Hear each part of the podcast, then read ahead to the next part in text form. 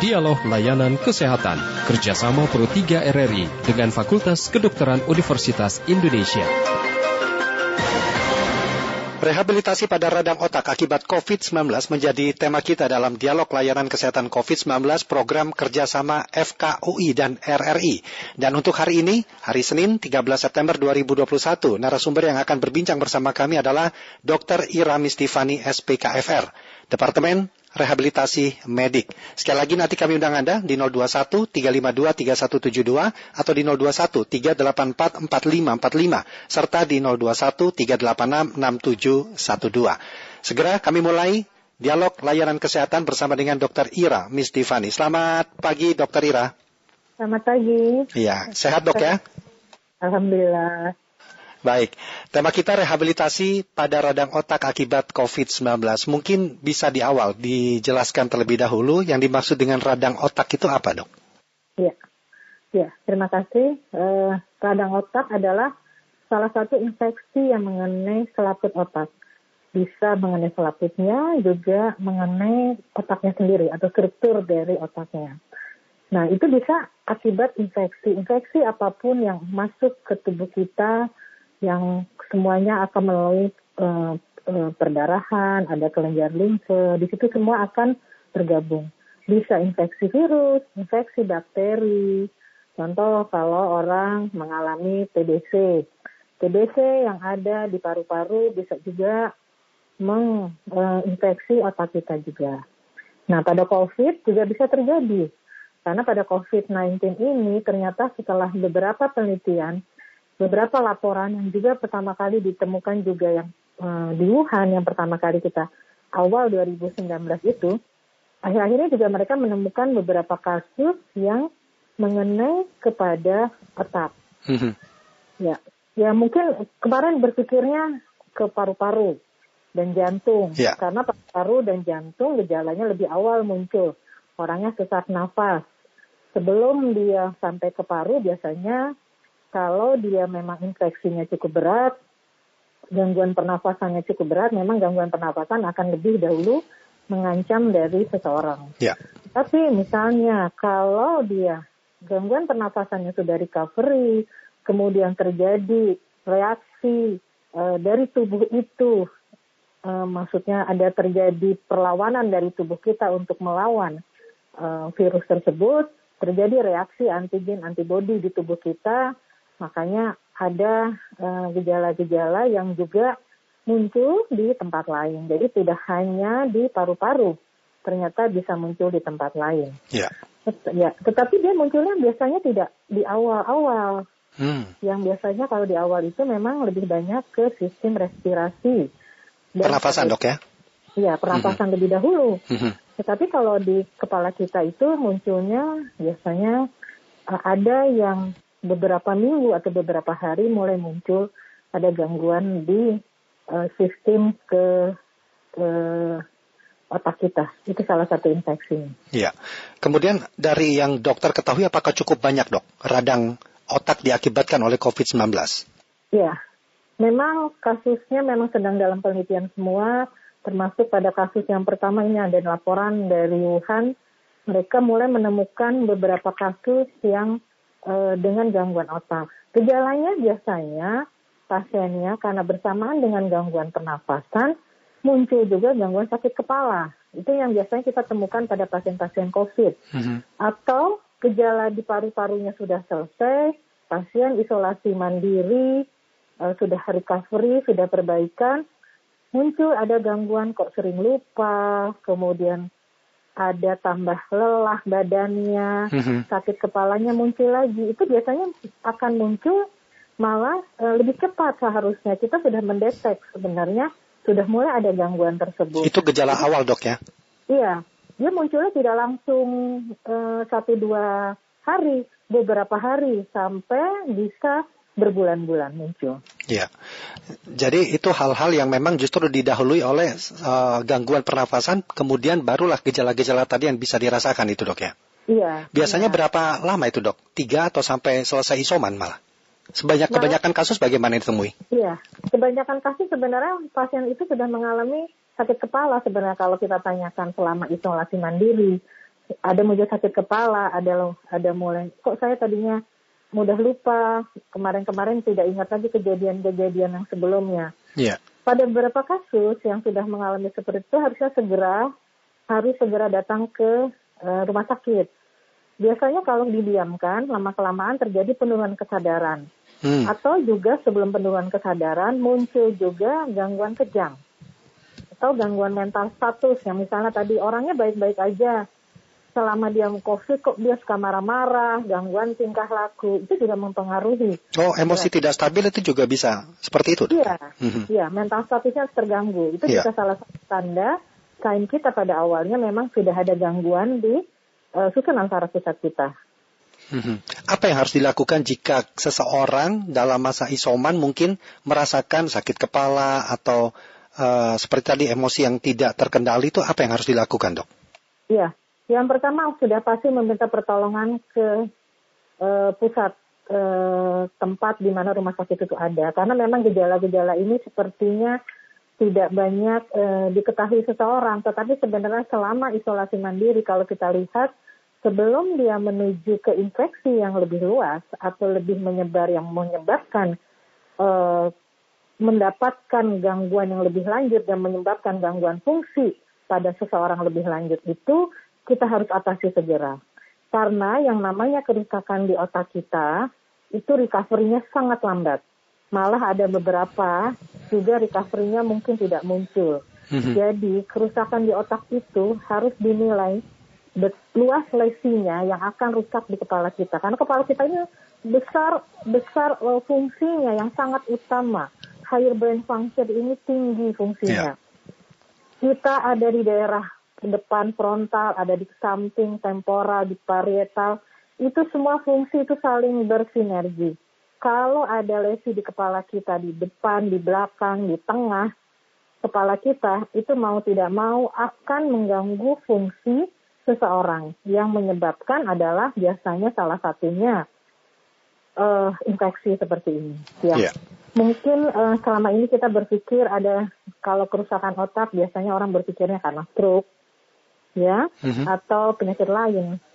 Jadi memang ada beberapa gabungan karena infeksi COVID-19 ini selain ensefalitisnya juga ada muncul penyumbatan di pembuluh-pembuluh darah di otak yang diakibatkan karena terjadi proses infeksi tersebut.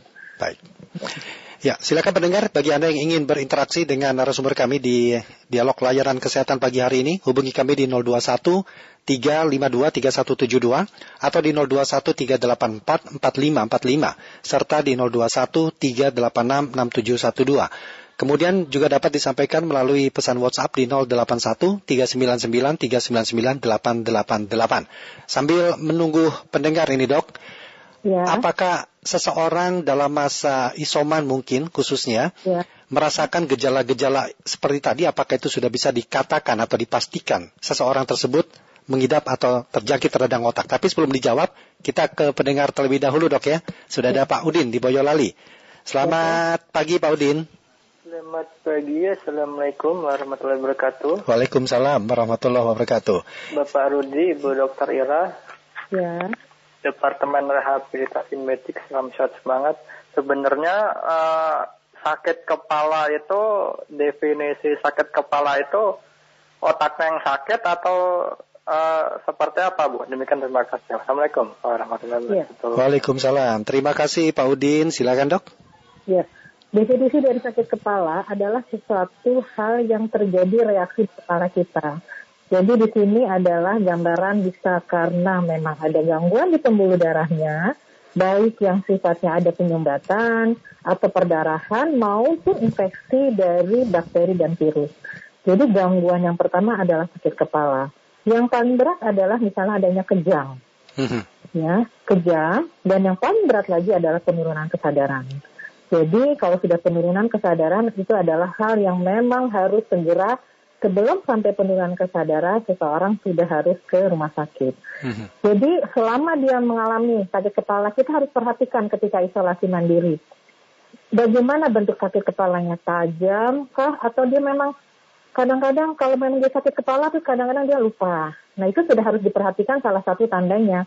Jadi atau dia sudah tidak mengerti, dia sakit kepala, tapi tidak mengerti dengan lingkungan sekitarnya, tidak alert atau namanya berkomunikasinya susah, berbicaranya sudah mulai susah, itu adalah salah, salah satu tanda sakit kepala yang disebabkan karena uh, eh, COVID-19. Artinya karena infeksi virusnya ya. sudah sangat menyebar ke struktur dari otak kita. Baik. Kalau tadi dok, apakah memang gejala itu yang dirasakan seseorang pada saat isoman, apakah bisa dikatakan atau dipastikan bahwa mereka terjangkit radang otak tadi? Ya, tidak semua sakit kepala itu mendapat eh, dikatakan radang otak. Tetapi sign yang awal adalah salah satunya adalah sakit kepala. Makanya hmm. kalau sakit kepala kita harus segera sudah mulai berkonsultasi dengan dokter atau rumah sakit. Karena sakit kepala yang ringan lah segala kita harus datang.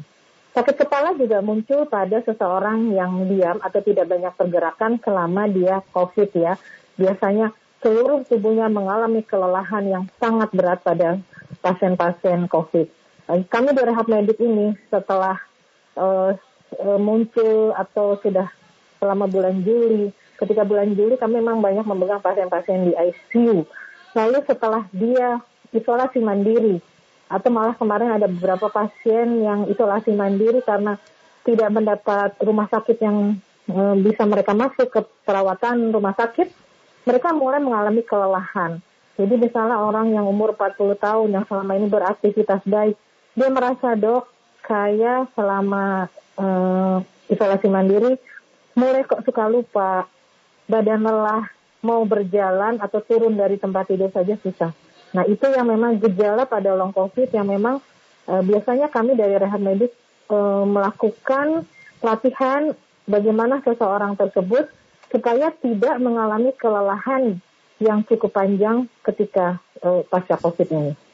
Ya, baik dokter mohon ditunggu sebentar, jangan diputus. Kita akan uh, ya. dengarkan informasi singkat yang akan disampaikan oleh rekan kami. Setelah itu kita lanjutkan kembali perbincangan ini dok ya. Ya.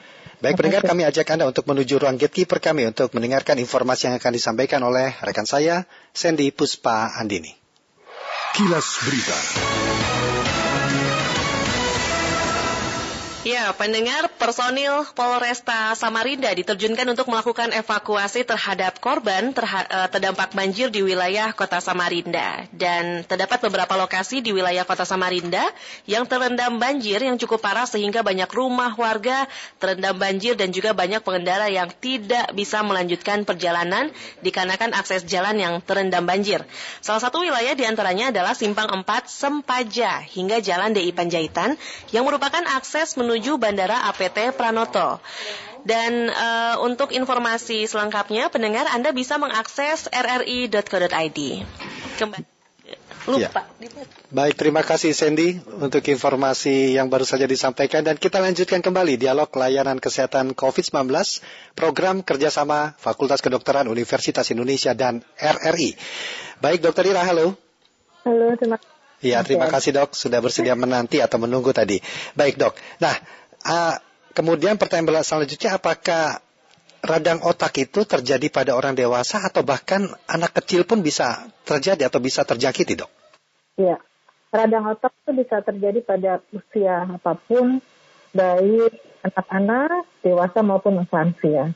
Jadi kita memang harus segera uh, melakukan tata laksana terapi kalau sudah mendapatkan gejala sakit kepala, kemudian sudah ada gangguan tingkah laku, atau malah sampai penurunan kesadaran, segera ke dokter. Yang ya. pertama didatangi adalah rumah sakit, kita berkonsultasi dengan dokter spesialis neurologi, nah dan nanti bersamaan dengan uh, dari dokter rehab, karena biasanya hmm. seseorang yang mengalami gangguan seperti itu banyak fungsi-fungsi yang tidak uh, berfungsi secara baik, contohnya bisa terjadi kelumpuhan pada tangan atau kakinya, atau juga dia gangguan komunikasi. Ya. Dan komunikasi itu bisa kita nilai cara berbicaranya, cara berbahasanya, juga pada beberapa pasien juga ada gangguan fungsi menelan. Baik. Jadi kita mudah saja paling gampang melihat seseorang berkomunikasinya bagaimana.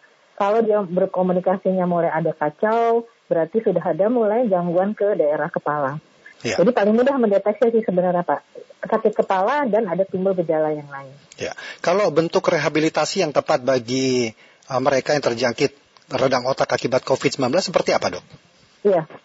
Ya, setelah mendapat treatment dari uh, dokter neurologi, biasa kami bersama-sama penanganan pasien mulai dari awal. Ketika pasien itu tidak sadar, ada penurunan kesadaran. Ketika dia mendapat perawatan di ICU, artinya rehab medik itu mulai masuk dengan membuat um, bagaimana kapasitas parunya pada orang-orang dengan gangguan pernafasan bersama dengan gangguan fungsi otak, itu biasanya yang paling mudah diserang lebih dulu adalah fungsi parunya. Jadi kita optimalkan dulu fungsi parunya supaya menjadi lebih baik. Orang yang dengan tirah baring lama di perawatan biasanya pengembangan parunya kurang bagus. Diakibatkan karena ada infeksi, lalu gangguan diafragma pengembangan parunya juga kurang baik, jadi kita sarankan rehab medisnya memang tim dokternya nanti akan masuk dengan cara bagaimana seseorang itu walaupun dia tidak sadar, tetap kita bangunkan atau kita coba pasien itu diposisikan kita dudukkan sesuai dengan kondisi pasien. Dan pada kasus-kasus seperti ini juga itu sifatnya recovery saraf itu sangat tergantung uh, waktu. Ada yang sifat perbaikannya itu terjadi satu bulan pertama, yeah. tiga bulan pertama, bahkan enam bulan. Jadi recovery saraf itu bisa terjadi yang paling gold, uh, golden standar atau uh, untuk recovery-nya biasanya sebulan, tiga bulan sampai enam bulan. Baik. Makanya penanganan itu harus lebih awal supaya gangguan fungsi yang terjadi pada pasien tersebut mm -hmm. atau defisit neurologisnya tidak banyak. Ya. Itu yang pertama.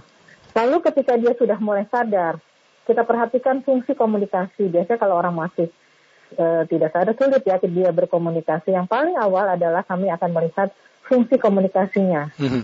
Selain fungsi kognitifnya, karena kan seseorang dikatakan bisa beradaptasi dengan lingkungan adalah melalui kognitif atau kepandaian kita dan komunikasi kita. Itu yang paling awal kita akan nilai. Baik. Kalau fungsi kognitifnya itu bagus atau tidak, kita akan nilai lebih awal ketika pasien itu mulai sadar. Fungsi kognitifnya ada penurunan, biasanya tata laksana rehab sudah masuk, kita menstimulasi fungsi kognitifnya, dan juga gangguan fungsi komunikasinya. Fungsi komunikasi ini sangat tergantung dari lesi di otaknya yang terjadi. Karena itu saya bilang dia bisa kena di mana pun karena virusnya nggak pilih-pilih tempat di kepala kita. Kalau dia senang pada tempat fungsi komunikasi atau behavior atau uh, tingkah laku kita, ya itu kita akan tata laksana ya. lebih awal. Okay. Baik, terima kasih Dokter Ira Mistifani ya. sudah berbincang ya. dalam dialog layanan kesehatan COVID-19 pagi hari ini. Salam ya. sehat dan selamat pagi dok. Selamat pagi. Demikian tadi kami berbincang bersama dengan Dr. Ira Mistifani SPKFR dari Departemen Rehabilitasi Medik. Demikian dialog layanan kesehatan kerjasama Pro 3 RRI dengan Fakultas Kedokteran Universitas Indonesia. Acara ini bisa Anda dengarkan setiap Senin sampai dengan Jumat pukul 9.30 waktu Indonesia Barat.